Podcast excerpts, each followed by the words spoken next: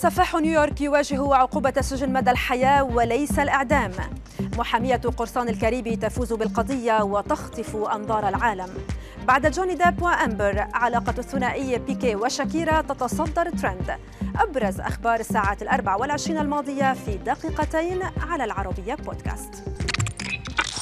السجن مدى الحياة وليس الإعدام. هذا ما يواجهه بيتن جندرون المتهم بقتل عشرة أشخاص من أصول أفريقية في حادثة إطلاق نار عنصرية بولاية نيويورك الأمريكية قبل نحو أسبوعين. هيئة المحلفين في المحكمة صوتت على توجيه 25 تهمة لبيتن الذي ادعى بأنه غير مذنب. ومن بين هذه التهم الإرهاب المحلي جرائم الكراهية والتي قد يعاقب عليها بالسجن مدى الحياة فيما لا تطبق ولاية نيويورك عقوبة الإعدام على أراضيها.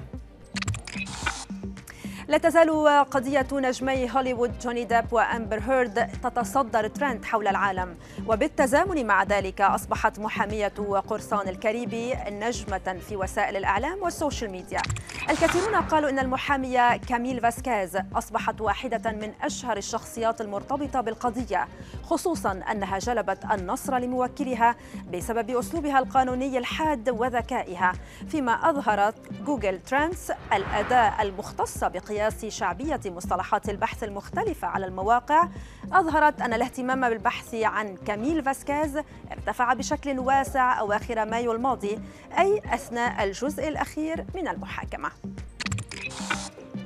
وفيما لا يزال الملايين مشغولين بقضية جوني وأمبر ظهرت قضية أخرى لكن هذه المرة بسبب الخيانة وليس التشهير. تقارير صحفية كشفت أن اللاعب الإسباني جيرار بيكي أوشك على الانفصال عن صديقته شاكيرا بسبب خيانته لها مشيرة إلى أنه ترك منزلهما ويسكن حاليا في شقته القديمة في برشلونة.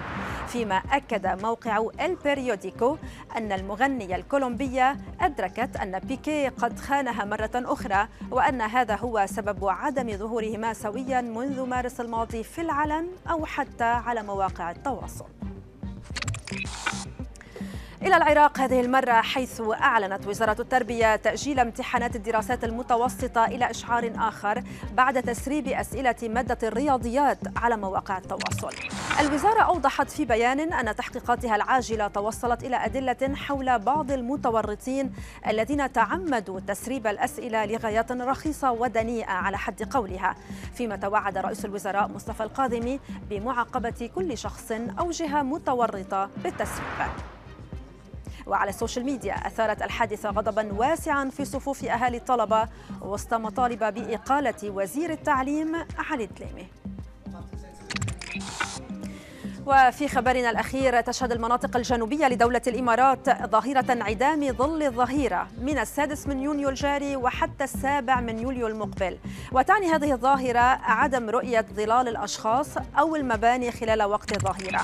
جمعية الإمارات للفلك أوضحت أن سبب حدوث هذه الظاهرة يأتي نتيجة لتعامد الشمس على دوائر العرض في تلك المناطق حيث يقطع مدار السرطان الأجزاء الجنوبية من الإمارات مشيرة إلى أن أجزاء أخرى من الدولة ستشهد أقصر ظل للزوال أو الظهر خلال العام في هذه الفترة.